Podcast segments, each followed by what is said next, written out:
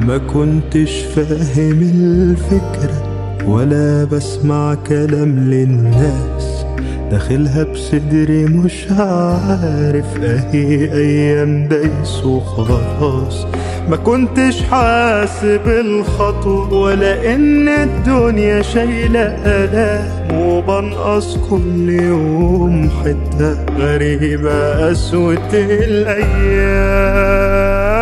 جوايا ورب كريم قادر يحيي اللي مات فيا كفاية غيوم وهقدر أقوم ولو طالت ليالي. جوايا رميم ورب كريم قادر يحيي اللي مات فيا كفاية غيوم وهقدر أقوم ولو طالت ليالي. أكبر مشكلة في الحب إنه شعور عنده استعداد يتحول لألم. عطاء وأمان الحب ممكن يتحول لغضب ورغبة في الانتقام. ولو الإنسان حرم نفسه من قيمة التسامح بيتحول قلبه لدفتر في منتهى الدقة قادر يسجل ويفتكر كل إساءة ويديها عنوان وتاريخ. ومع تراكم الإساءات في تاريخ الجواز بتغرق الذكريات الجميلة والعشرة الطيبة. وعند الطلاق إما يظهر الإحسان ورقي الأخلاق أو الظلم والجحود والشقاق.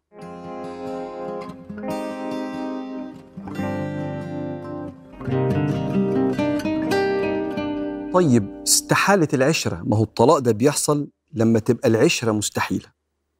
نسيب بعض وكل واحد يكمل حياته وإن يتفرقا يغني الله كلا من سعته. الشيطان ما يحبش كده. لازم يبقى فيه حس انتقامي وندفع بعض التمن غالي. وينتقل الإنسان من إنسان بتاع ربنا عايز يعيش في سلام لشخص انتقامي من أقرب الناس ليه. هي بتنتقم من جوزها بالأدوات اللي معاها كانت فلوس ولا العيال؟ وهو برضه بينتقم من مراته بالأدوات اللي معاه كانت فلوس أو العيال. وده بيدمر العلاقة بعد الطلاق. تقول لي طب ما مش مهم العلاقة بعد الطلاق أقول لك إزاي؟ حاجة من الاتنين يا إما بينهم عيال فالعيال بتتأذي جدا جدا لما يشوفوا الكبار بيفتروا على بعض كده. أو خلاص يا سيدي ما فيش بينهم عيال ولا حاجة بس من فضلك ممكن نسيب بعض ما نبقاش شايلين بعض على كتف بعض وإحنا ماشيين. يعني نزلها خلاص من على كتافك وأنت نزليه من على كتافك. ما بقاش أنا خلصنا موضوع الجواز يلا كل واحد يبدأ حياته بسم الله ربنا يعوض. وأبقى أنا غرقان عايز إزاي أوجع؟ حد في يوم من الأيام كان أغلى الناس عليا. إحنا ديننا كده بيضيع. أول سبب بيخلي العلاقة تنهار بعد الطلاق صعوبة العشرة أو صعوبة الطلاق. إن العشرة كان يبقى فيها أذية جامدة. تعمل شيء من الحقد والغضب المتراكم. فوأنا بسيب لأ أنا هدفعك الثمن وأنا هدوقك. إزاي أنت تعبتيني أثناء الجواز؟ فيبقى وأنا بسيب عارف اللي بيكسر قله وراه هو عايز يكسرها وهي تكسره. وهنا كان ينزل القرآن يتكلم عن لو هتسيبوا بعض اتقي الله ربنا شايفك. بسم الله الرحمن الرحيم. يا أيها الذين آمنوا لا يحل لكم أن ترثوا النساء كرها ولا تعضلوهن لتذهبوا ببعض ما آتيتموهن. كان بعض الناس أيام سيدنا النبي عليه الصلاة والسلام يشترط على مراته لو هطلقك ما تتجوزيش أو تتجوزي واحد على مزاجي إما مش هديكي حقك فينزل القرآن ده ظلم ما تعملش كده. الإعضال هو القهر. وينزل القرآن وإن أردتم استبدال زوج مكان زوج وآتيتم إحداهن قنطارا لو هتنفصلوا وكل واحد يكمل حياته بس في حقوق مالية فلا تأخذوا منه شيئا. ما تحرمش مراتك من حقها. أتأخذونه بهتانا واثما مبينا؟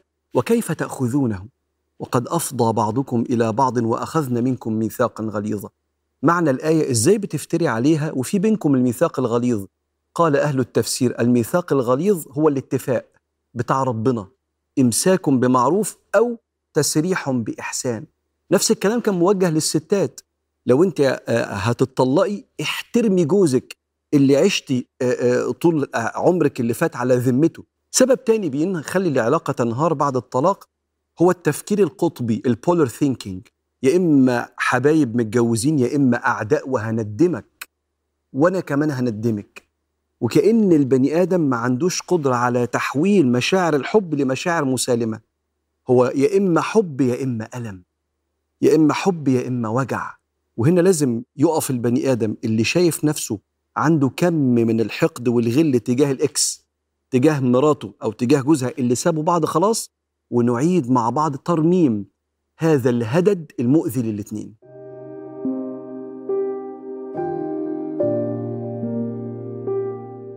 لو ما خدش باله آه، الراجل والست بعد ما اتطلقوا إن في بينهم حقد وغضب دفين بيطلع في صورة انتقامية بتنهار العلاقة والعشرة بعد الطلاق. طيب يا سيدي ما تنهار وكل واحد يكمل في حياته، لا. الموضوع ليه ديول انتقامية فيها اعتداء وظلم ما تستحملش تتحاسب عليه يوم القيامة وحتى في الدنيا. لأن لما ربنا اتكلم عن الطلاق نزلت الآية بالمناسبة الآية اللي هقولها لك دي في سورة الطلاق. ومن يتق الله يجعل له مخرجا ويرزقه من حيث لا يحتسب. أنت عايز ربنا يكرمك في اللي جاي. فاتقي الله وأنت بتطلق وأنت اتقي الله وأنت بتطلقي. ومن يتق الله يجعل له مخرجا ويرزقه من حيث لا يحتسب ومن يتوكل على الله فهو حسبه. ربنا هيكفيك لو مشيت بالمعروف وبالإحسان. أول خسارة بيخسرها اللي انهارت علاقتهم أثناء الطلاق هو أفعال تخريبية للذات عشان أندم جوزي ولا طليقتي يعني طليقي أو طليقتي. أفعال تخريبية للذات زي مثلا إن الراجل يتعمد يعمل الحاجات اللي كانت سبب في طلاقه مثلا من مراته. حياة منفتحة بطريقة معينة علاقات وسهر. وهو ده اللي عمل مشكلة. طب أنا بقى هوريكي على ال social media إن أنا انطلقت إزاي واتحررت منك. عايزك تتخيل إن الست تعمل كده برضه.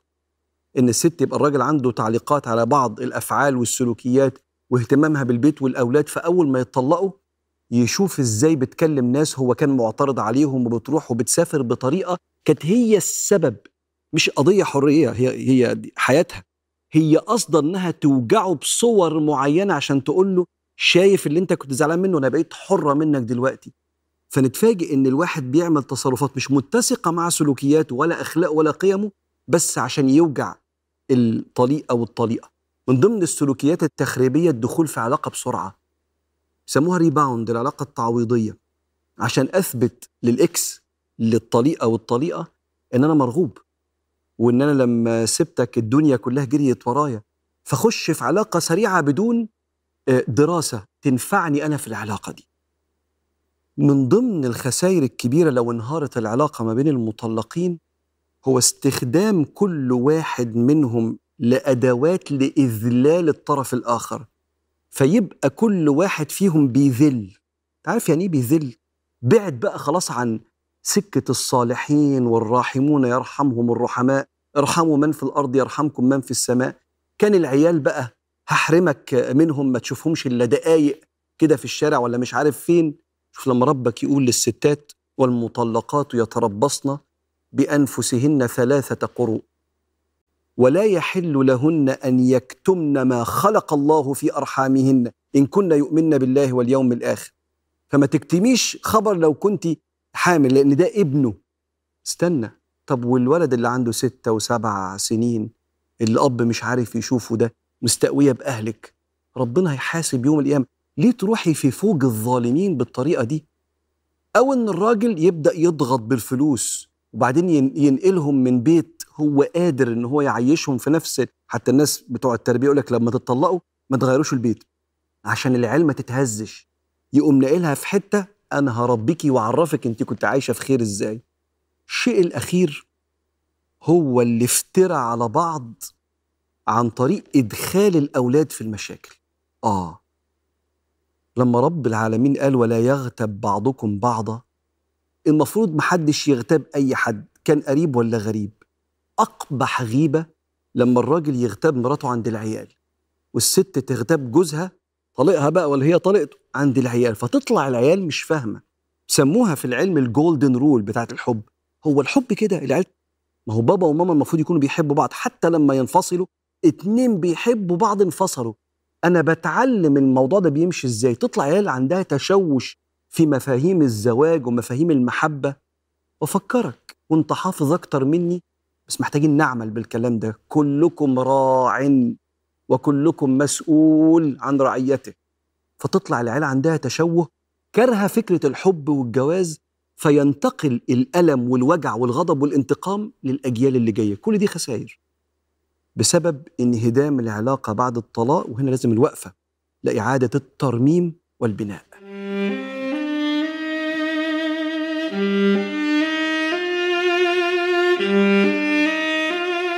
نهايات الحكايات والعشرة. لازم تبقى بإخلاص ووفاء. نحترم إننا عشنا وشفنا وكنا بنتكلم وبنشتاق. مش لازم يعني عشان خلصت تخلص بشماتة وقلة أصل. الشخص اللي اتربى كويس بيشوف إن النهايات أخلاق. مش شرط عشان ما بقاش في نصيب ننسى الأيام. نفضل نتلكك ونجرح ونشوه بعض بأي كلام. مش لازم يعني نكون أعداء. ونخش حروب من غير داعي. أصلح بكتير إننا نهدى ونفكر نخلق بينا سلام. مش آخر الدنيا ولا العالم هيبوظ لو قررنا نعدي. الواحد فينا يشوف حاله ونرمي السلامات لما نعدي. نحترم الأيام الحلوة وما نجيش على بعض بأي كلام. ونعيش بالعقل وبالمنطق الأذى ما يجيبش ولا يودي. اوعى تصدق إن الأخلاق بتقلل من قيمة الإنسان. إنك تتعامل بالحسنى وتقدر عشرة وحب زمان. أوقات الغضب اللي نحسه وقت أما الواحد بيفارق بيخلينا أشخاص أوحش بنلوش وخلاص أيا كان. بنعاقب بعض على الفاضي ونهين الود اللي ما بينا ندخل في خناق ملهوش داعي والحلو يموت سنة بسنة. لو بينا ولاد قوم نأذيهم واللي عملناه يطلع فيهم ونزيد في عناد وجدال فاضي وننسى ما وصى بيه ديننا. إن كنا دخلناها بمعروف يبقى نخلصها بالمعروف.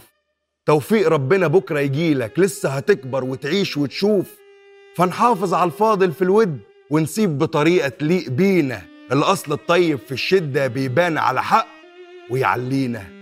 لو كان في بينا عيال مثلا هنسيب من غير ما نكسرهم من غير ما يضيعوا في خلافاتنا وبالوقت يروحوا ونخسرهم.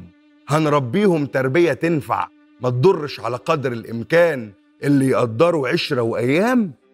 اللي يقدروا عشرة وأيام ربنا في الجاي يقدرهم.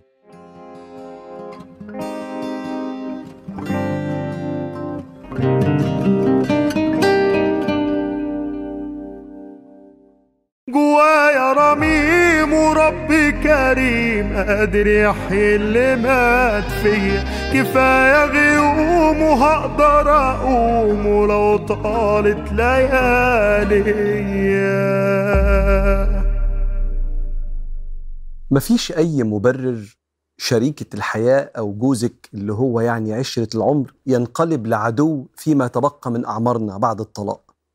مفيش أي مبرر الإحسان اللي كان ما بيننا يتقلب لعداوة ونية دائمة للإيذاء. عشان كده لو اتهدمت العلاقة أثناء أو بعد الطلاق محتاجين إن إحنا نرمم ونعيد بناء هذه العلاقة. مش عشان نرجع إنما علشان أحسن حاجة في الدنيا الإنسان يبقى قلبه صافي بالذات تجاه الناس اللي كان في في يوم من الأيام بينه وبينهم عشرة وعيش وملح. حتى لو الناس دي اتغيرت لكن في الآخر أنت بتتعامل في نظر ربنا سبحانه وتعالى وتحب تقابله بقلب سليم. والمسلم من سلم الناس من لسانه ويده.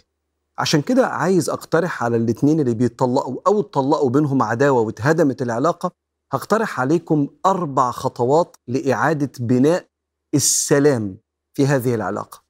توكل توقف تصرف أشرك حكيم الأربعة دول.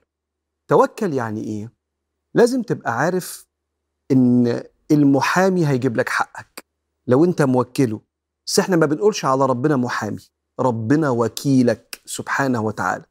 فلو وكلت محامي هيبقى بيتصرف بما يحقق مصلحتك. وانت كده كده موكل ربنا سبحانه وتعالى. فأي حاجة خايف منها مخلياك متحفز أو مخلياكي متحفزة وعندك نية الإيذاء اطمن. ربنا بيقول في القرآن وإن عزموا الطلاق فإن الله سميع عليم. عليم بالبواطن والنوايا والخطط والكيد.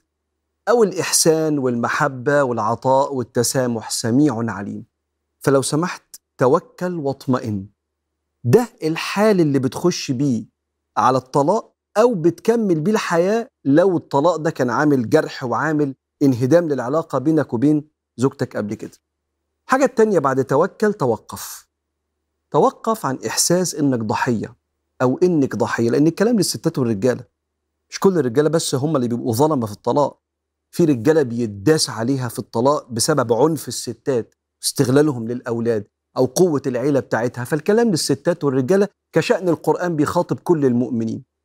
توقف عن إحساس الضحية لأن إحساس الضحية بيعمل عند البني آدم مرارة تديله إحساس كده إنه عايز ينتقم ويسترد حقه.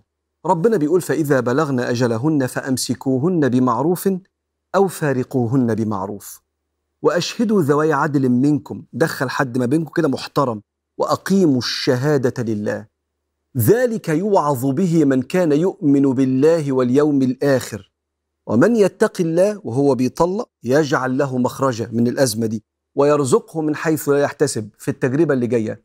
ومن يتوكل على الله فهو حسبه. اطمن وتوكل. إن الله بالغ أمره. اللي ربنا عايزه لك هيكون. قد جعل الله لكل شيء قدرا. أزمة وهتعدي. يا ريت تعدي بأقل خسائر. يبقى أول حاجة توكل. اطمن ربنا هيحافظ لك على حقك وهيحافظ لك على حقك. رقم اتنين توقف عن إحساس الضحية ونية الإيذاء. ثلاثة تصرف. تصرف إيه؟ طلق طلاق وانت تطلقي طلاق يليق بأخلاقك. عند الفراق تظهر الأخلاق. وفي الخصومة بيبان معادن الناس. أحد الصالحين بيطلق مراته فواحد بيقول له أنت بتطلقها ليه؟ فقال ما كان لي أن أفشي سر امرأتي. فلما طلقها خلاص ما بقتش على ذمته قال له بقى أقول طلقتها ليه؟ امرأة غيري لماذا أتكلم عليها؟ ما كنت لأتكلم على امرأة غيري. ده إنسان محترم. عشان كده من علامات إن البني آدم بيطلق طلاق يليق بأخلاقه إنه مش بيغتاب مش بيفضح طليقته أو هي مش بتفضح طليقها علشان كأن في نية كده إن أنا هبوظ لك مستقبلك. لو حد بيسأل عليك هيسمعوا مني كلام عشان ما حدش يرضى بيك.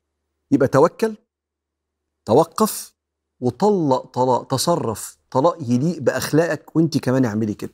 آخر حاجة علشان الخصومة تقل وعشان ما يبقاش في عداوة ونعيد بناء علاقة فيها سلام بعد الطلاق حتى لو مش هنتواصل بس القلب ما يبقاش فيه وجع ولا نية للإيذاء. ربنا بيقول وإن خفتم شقاق بينهما فابعثوا حكما من أهله وحكما من أهلها. إن يريد إصلاحا يوفق الله بينهما. مش دايما الإصلاح إن إحنا نرجع لبعض ممكن الإصلاح إن إحنا ننفصل بإحسان من غير عداوة. تدمر قلبنا تجاه بعض وتأذي عيالنا اللي ما بيننا واللي إحنا مسؤولين عن حماية قلبهم حتى بعد ما نتطلق. فدخل حد أنت بتثق فيه ممكن ما يكونش من الأهل يا ريت من الأهل.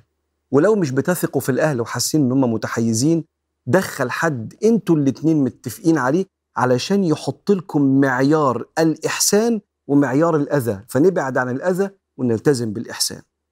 بالأربع خطوات دي توكل توقف تصرف يعني طلق طلاق يليق باخلاقك ثم إدخال حد ما بينكم نضمن إن شاء الله نعيد بناء السلام في علاقة هدمها عداوة الطلاق.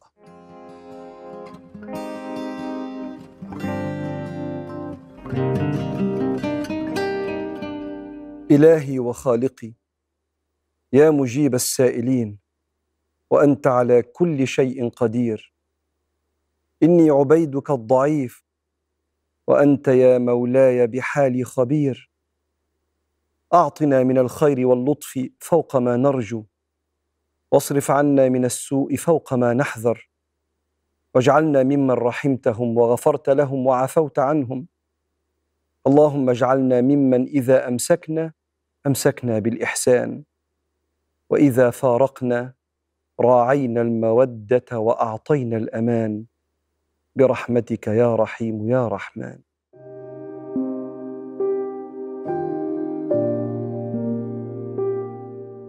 ثلاث أو أربع علامات إن إحنا مفيش بينا غل ووجع ونية إيذاء بعد الطلاق. ثلاث أربع علامات دول معناها إن العلاقة ما اتهدمتش قدرنا نرممها ونعيد السلام بعد الكسرة الكبيرة اللي بتحصل في الطلاق. أول حاجة الصمت. ما بنتكلمش على بعض كلام سلبي في ظهر بعض. اتنين حسن التواصل. ما بندخلش العيال ما بيننا عشان مش طايق أكلمها وأنا مش عايز أسمع صوتك. فالعيال هي اللي تتكلم. فالعيال تخش في خناقة تدمر نفسيتهم. رقم ثلاثة عندنا آليات بنعرف نحل بيها الخلاف. طب إحنا لسه في بينا حاجات متعلقات. لو اختلفنا عليها بنعمل إيه؟ رقم أربعة شيء جوه ما تعرفوش اللي يعرفه الست والراجل اللي اتطلقوا وهي نية عدم الإيذاء السلام النفسي. لو عملت كده وأعدت بناء السلام في العلاقة بعد كسرة الطلاق رقم واحد ربنا هيوفقك في الخطوة اللي جاية. ربنا بيقول كده قال وإن يتفرقا يغني الله كلا من سعته. شايف يتفرق دي؟ يتفرق على مراد الله امساك بمعروف أو تسريح بإحسان. الكلام للراجل والست. طيب وإن يتفرق يغني الله كلا من سعته. أهل التفسير يقولوا يرزق الرجل بامرأة توافقه. تبقى كده هادية وجميلة وزي ما يتمنى. ويرزق المرأة برجل تغتبط بصحبته. تغتبط يعني تفرح والناس تتمنى راجل زي ده. الغبطة إن الناس كلها تبص لك تتمنى اللي في إيديكي طبعا مع بقاء النعمة مش حسد تمني وفرحة ليك. تغتبط بصحبته. وإن يتفرق يغني الله كلا من سعته. وفي نفس سوره الطلاق ربنا بيقول ومن يتق الله في الطلاق يجعل له من أمره يسرا. تتيسر كده في الخطوة اللي جاية. ثم قال تعالى ومن يتق الله يكفر عنه سيئاته ويعظم له اجرا أكيد غلطتوا في بعض وكان في سيئات في الطلاق وبسبب السيئات والغلط ده استحالت العشرة. فربنا يكفر اللي فات وتبداوا الجديد. من ضمن الخيرات اللي بيجنيها من أعاد بناء السلام بينه وبين طليقته بعد الكسرة الكبيرة اللي بتحصل في الطلاق حماية الأولاد من الزلزال ده زلزال الطلاق. لأن الأولاد لو شافوا طلاق صحي لا يفقدوا الثقة في الحب ولا في الجواز. إنما يعرفوا إن اللي بيحب بيعامل كويس ولو مش قادر يعامل كويس بينفصل برضه بحب. فيطمئنوا لخطواتهم اللي جاية. ما يخشوش بعد كده في علاقات بتعلق غير آمن. أسباب التعلق الغير آمن على رأسها بيت كان فيه مشاكل فتطلع البنت مش مستريحة في علاقتها مع جوزها. ليه؟ في تجربة ويطلع الراجل برضه متحفز في علاقته مع مراته. راجل مين وبنت مين؟ آه اللي كانوا ولاد الاتنين اللي اتطلقوا بشيء من الإهانة والاعتداء. فنحافظ على أولادنا من الزلزال ده. حاجة التالتة والأهم اللي كل ست وراجل بيتطلقوا أو اتطلقوا محتاجينها هو النجاة من الغدر. سيدنا النبي عليه الصلاة والسلام بيقول إذا بعث الله الأولين والآخرين رفع لكل غادر لواء مكتوب عليه هذه غدرة فلان. وحش قوي إن واحد أو واحدة يبعثوا غدارين بجوازهم. يعني الواحد تبقى مصيبة لو غدر بالغريب. لكن مصيبتين لو واحد غدر بالقريب اللي اتعلمنا في ديننا إن الأقربون أولى بالمعروف. وسيدنا النبي يقول عليه الصلاة والسلام يقول الله ثلاثة أنا خصمهم يوم القيامة. وربنا خصمه. من أعطى بي ثم غدر. ده واحد من الثلاثه واحد أو واحدة حلفوا والله العظيم لاديك عينيا وهصونك. حلو الكلام؟ ما هو الطلاق ده جزء آخر اللقطه في الجواز.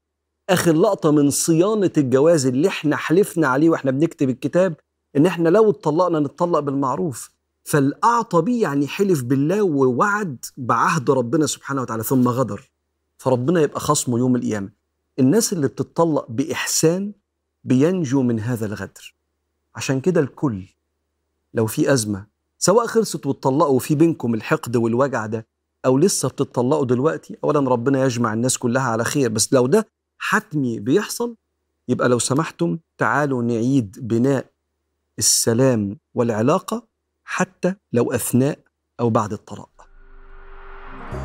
ووسط الكسرة والدنيا بكون ظالم وأكون مظلوم. وحلمي دي كده ثانية وكله بيرمي فيا هموم.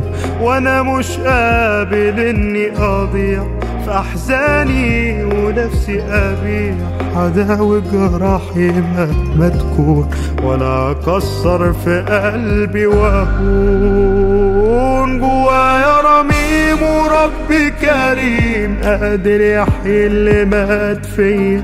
كفاية غيوم غيوم وهقدر أقوم ولو طالت ليالي. جوايا رميم وربي كريم قادر يحيي اللي مات فيا كفاية غيوم وهقدر أقوم ولو طالت ليالي. ولا ملم نفسي بالوحدة تكون روحي خلاص اهدى